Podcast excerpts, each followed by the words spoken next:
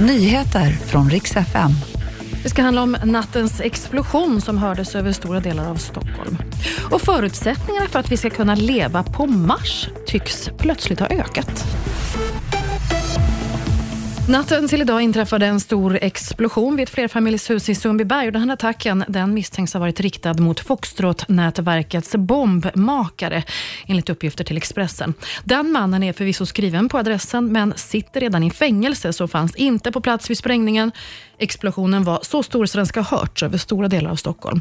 Trapphuset skadades, men ingen person ska ha kommit till skada.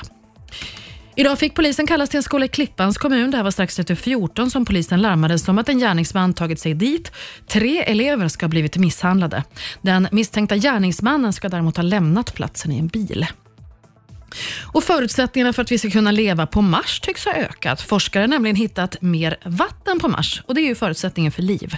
Tidigare konstaterat att det finns is runt Mars, båda poler, men nu har man alltså hittat en ny källa vatten under jord och det här vid Mars ekvator. Det är alltså också fruset, men så pass mycket att det potentiellt skulle kunna täcka hela Mars.